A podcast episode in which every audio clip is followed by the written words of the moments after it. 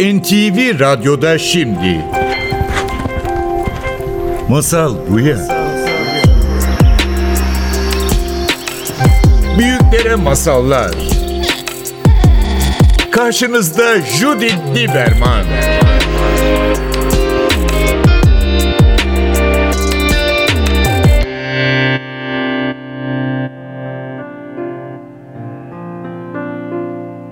Masal Buya'ya hoş geldiniz. Bugün Ayşegül Dede ile birlikteyiz. Ayşegül hoş geldin. Hoş bulduk. Evet, bizim programımızda aşinayız e, e, seninle. Kaç kere e, aslında bizim konumuz oldu. Çünkü tabii ki hem masallar, hem çocuklar, hem yetişkinleri masal anlattırmak. Yani senin işlerin ve çalışmaların tabii ki bizim programlar çok uyumlu.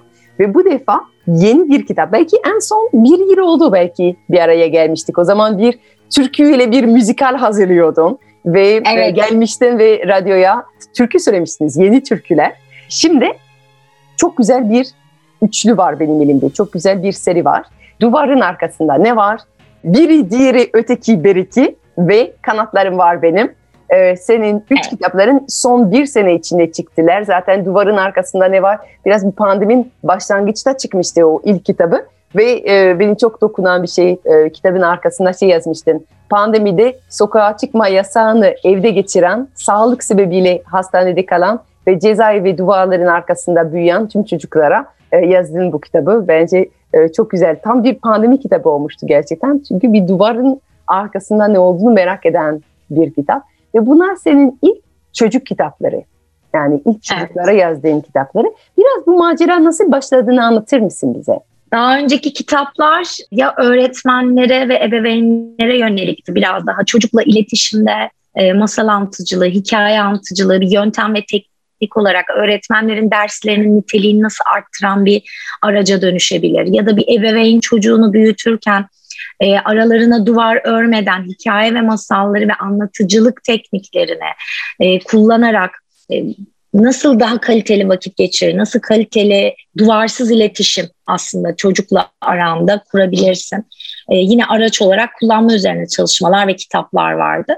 Daha sonrasında sessiz kitaplarımız oldu. Onlarla birlikte e, çocukları nasıl anlatıcı yapabiliriz? Yani bir çocuk nasıl hikaye anlatıcılığına başlar? Sessiz kitaplar bunun için çok değerli bir ilk basamak. Yükseltici, iyileştirici bir şey. O yüzden sessiz kitaplar vardı ama bu son Heybem'deki Mutluluk serisi evet çocuk edebiyatı niteliği taşıyan ilk kitaplarım.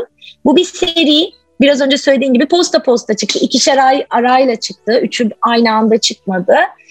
Ve bunlar benim aslında kendi hikayelerim. Yani kendi yaşadığım, kendi tecrübelerimden oluşmuş hikayeler. Daha önce canlı yayınlarda da bahsetmiştim. Ben yalnız bir ebeveynim. Boşanmış bir anne babanın çocukları, benim çocuklarım. Ve o boşanma sonrası e, uzun bir süre terapi aldım. E, bundan 6-7 sene evvel. Ve e, o zaman da terapistim Gülseren Budayıcıoğlu'ydu. Gülseren Budayıcıoğlu'yla birlikte e, ne yapmayı öğrendim? Kendimi sembolik, metaforik hikayeler yazarak iyileştirmeyi öğrendim. Bana e, kullandığı yani tabii ki hastasını, danışanını e, çok dikkatli bir şekilde çok iyi bir dinleyici ve benim bu şekilde kendimi iyileştirebileceğime inanmıştı. Bunlar benim ödevlerimdim. Şu an çıkan işte biri diğeri öteki beriki duvarın arkasında ne var ve kanatlarım var benim. Aslında benim terapilerde her ay e, hazırladığım ödevlerimden oluşan hikayeler. Tabii ki kendi güncel yaşamımda problemlerim, sıkıntılarım, çözemediğim, kitlendiğim şeyler olduğu için bir destek alma ihtiyacı duymuştum.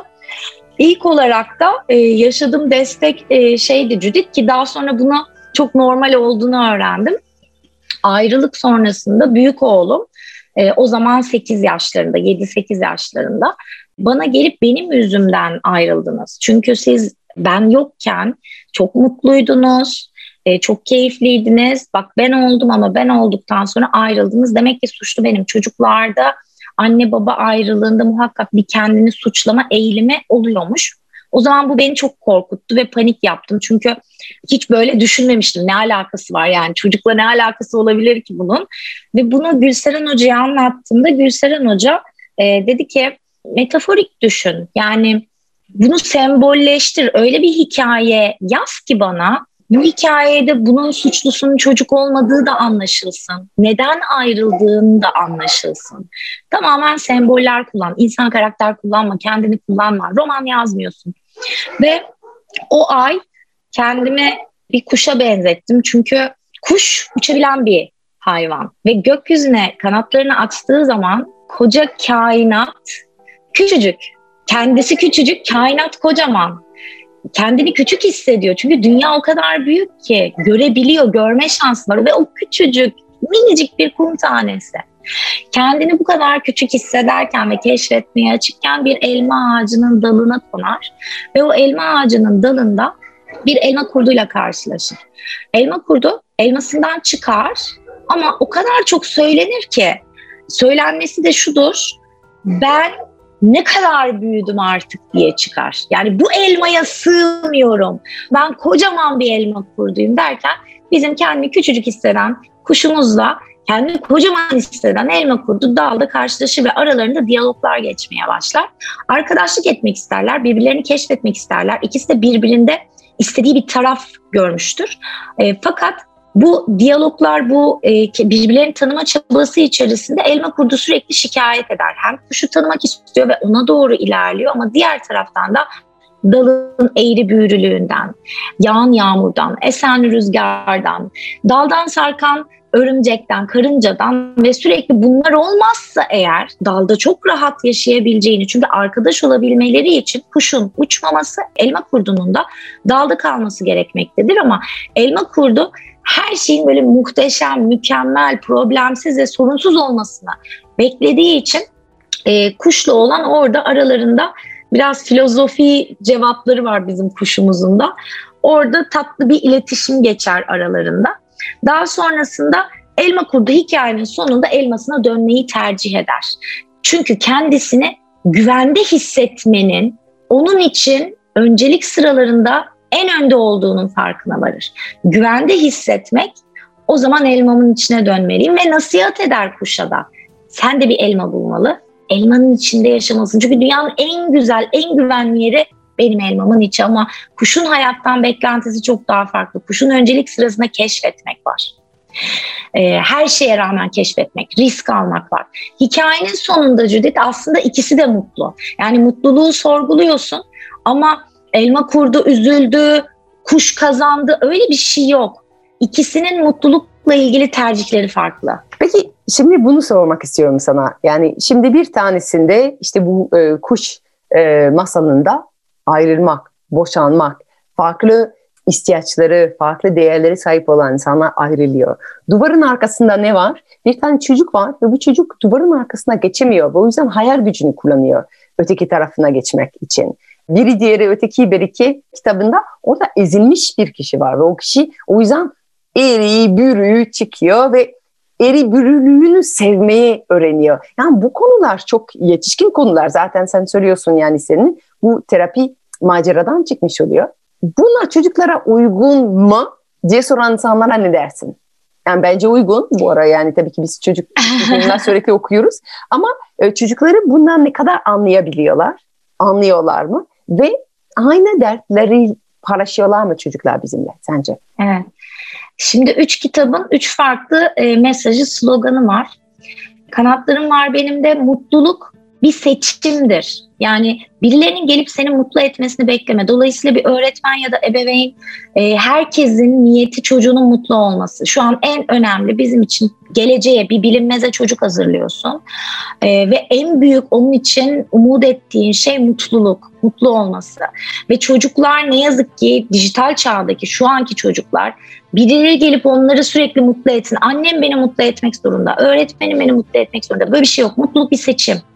E, bunu sorgulamak için çocuklarla Evet, bu hikayeler yaşsız kitaplar. Yani e, resimli kitap dediğimiz daha çok işte okul öncesi kitap olarak görülen e, kitap çeşitleri değil. Sembolik kitaplar olduğu için çocuğa bakan tarafında çocuğun gördüğü hikayede çocuk tabii ki ah bu işte bir ayrılık hikayesi, burada bir işte elma kurdu var, burada bir... Hayır, o olduğu gibi görüyor. Arkadaşlık etmeye çalışan iki farklı hayvanı görüyor. Çünkü o da artık okula gittiğinde parkta, bahçede, belki kuzenleriyle oynarken, komşularıyla e, herkesle anlaşamadığını çocuk da zaten 2-3 yaşından itibaren keşfediyorduk. Bunu seviyorum. Bunu sevmiyorum. Onunla anlaşıyor, öbürüyle anlaşamıyor.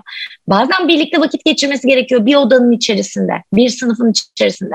Bazen uzaklaşıyorlar ve görüşmüyorlar. Bunlar onların hayatında da tecrübe ettiği şeyler. Evet yaşsız kitap bir yetişkin olarak bunu bir iş arkadaşınla, eşinle, ailenle, kardeşinle olan ilişki ve duygu aslında evrensel şeyler. Yani burada duygular ön planda olduğu için ister bebek olsun, ister yaşlı olsun duygular evrensel. Dolayısıyla mutluluk e, işlenmeye değer bir konu bence üstüne konuşmaya. Değil mi ya? Aslında gerçekten çok ortak meselelerimiz var çocuklarla. Her ne kadar farklı kontekstlerde yaşıyorlar. Yani evlilik onlara çok yabancı bir şey ama dostluk var ama arkadaşla e, kurdukları bağ var ve orada çok çok kere reddedilme e, yaşıyorlar zaten veya farklı evet. şeyler isteme. Yani annelerinden ve babalarından farklı şeyler isteme her gün deneyimliyorlar sonuçta. Yani çocuk biraz daha uzun parka kalmak istiyor.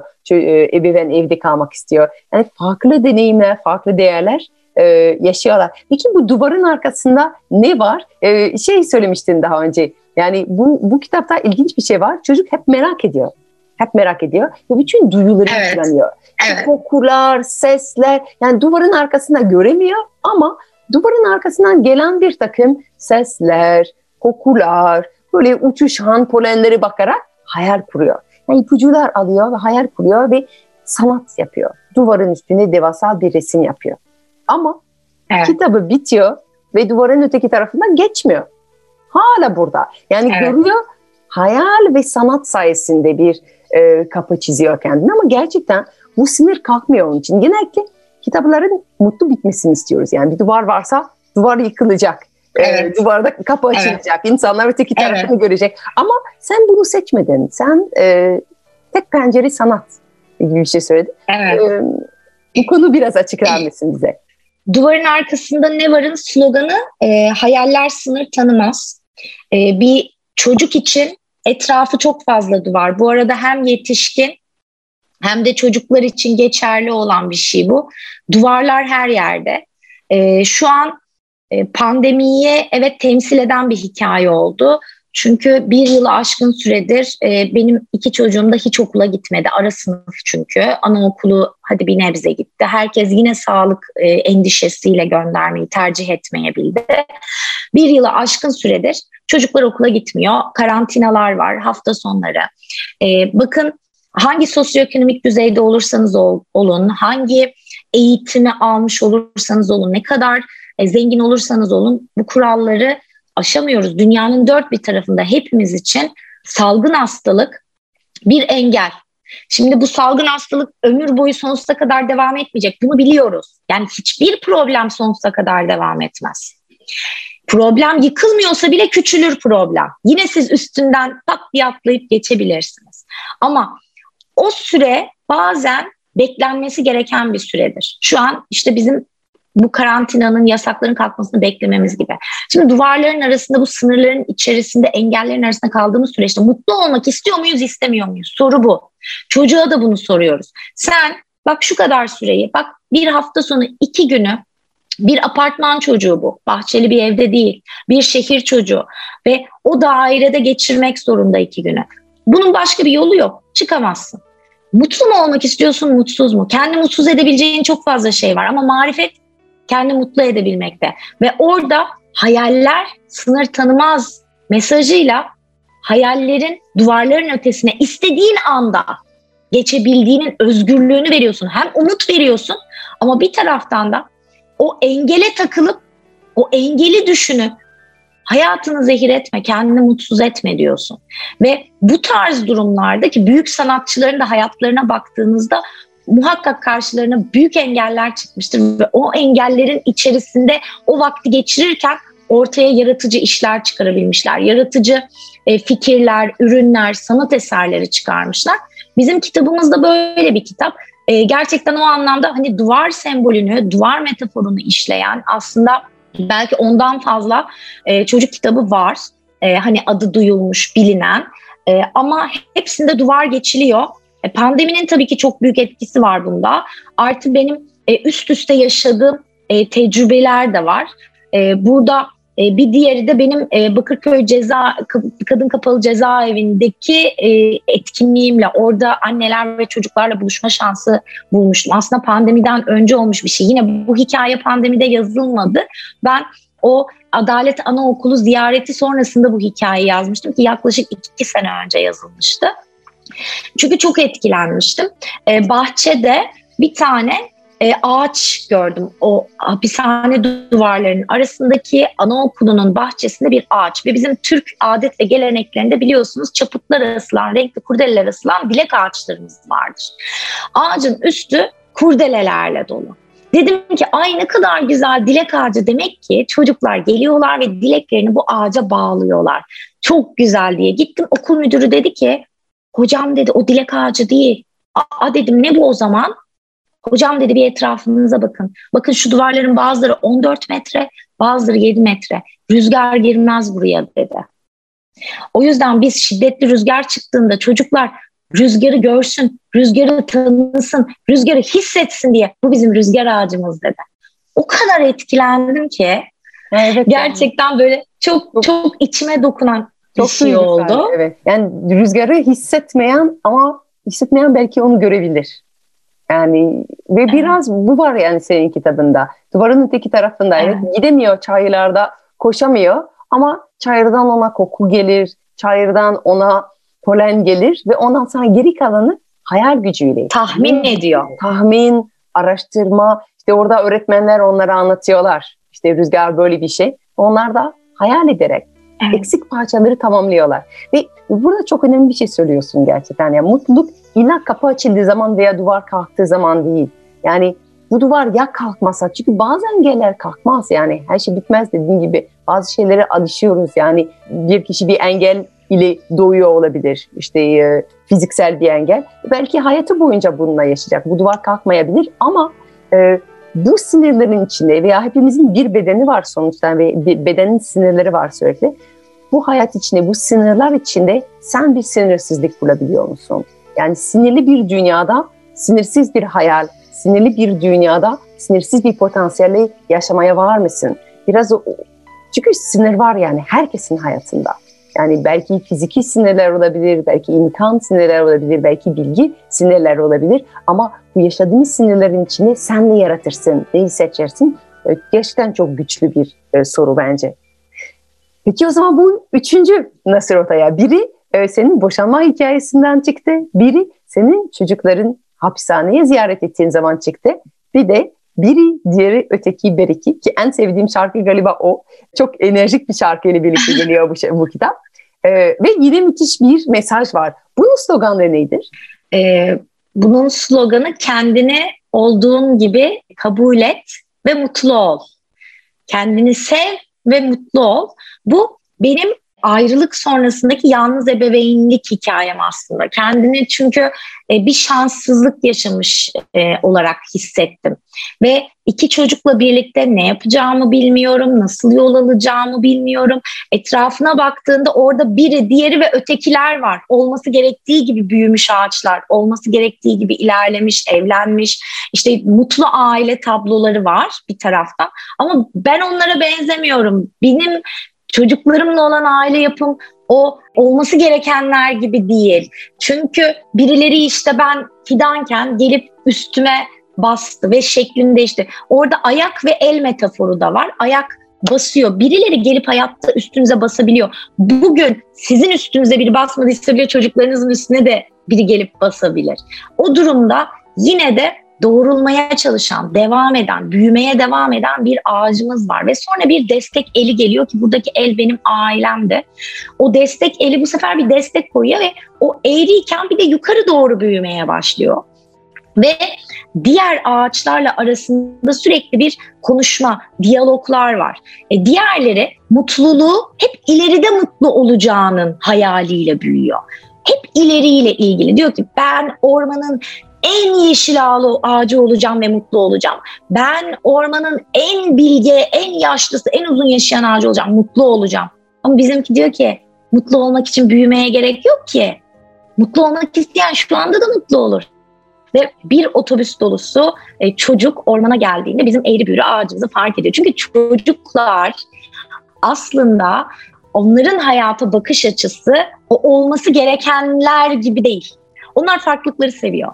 Onlar yaratıcı, komik, eğlenceli. E, daha tabii ki aynı kalıpları e, yutmamış olabilirler yani bazen o çocuklara. O yüzden o kalıpları aramak veya o yetişkinlerin hedefleri belki e, duymuyorlar o zaman. Burada gerçekten farklı olmak ve farklı olarak kendini kabul etme mesajı var. Ve bu ağaç eri bürü olduğu için farklı şeyler sunuyor. Yani öteki ağaçların sunamadığı ve Evet. bir eğlence kaynağı oluyor ve çocuklar onu bir ayrı seviyorlar. Ki gerçekten diyebiliyoruz ki sen de evin Evet. bir tane kitap evi içini kurdun. Ee, çocuklar için, senin çocuklar için çok eğlenceli bir e, ortam kurmuş oluyorsun. Müthiş üç mesajlar. Burada şey çok değerli benim için. Kendi hayatın senin malzemendir. Yani bir sanatçı zaten deneyimleri ve gözlemledikleriyle birlikte çalışıyor.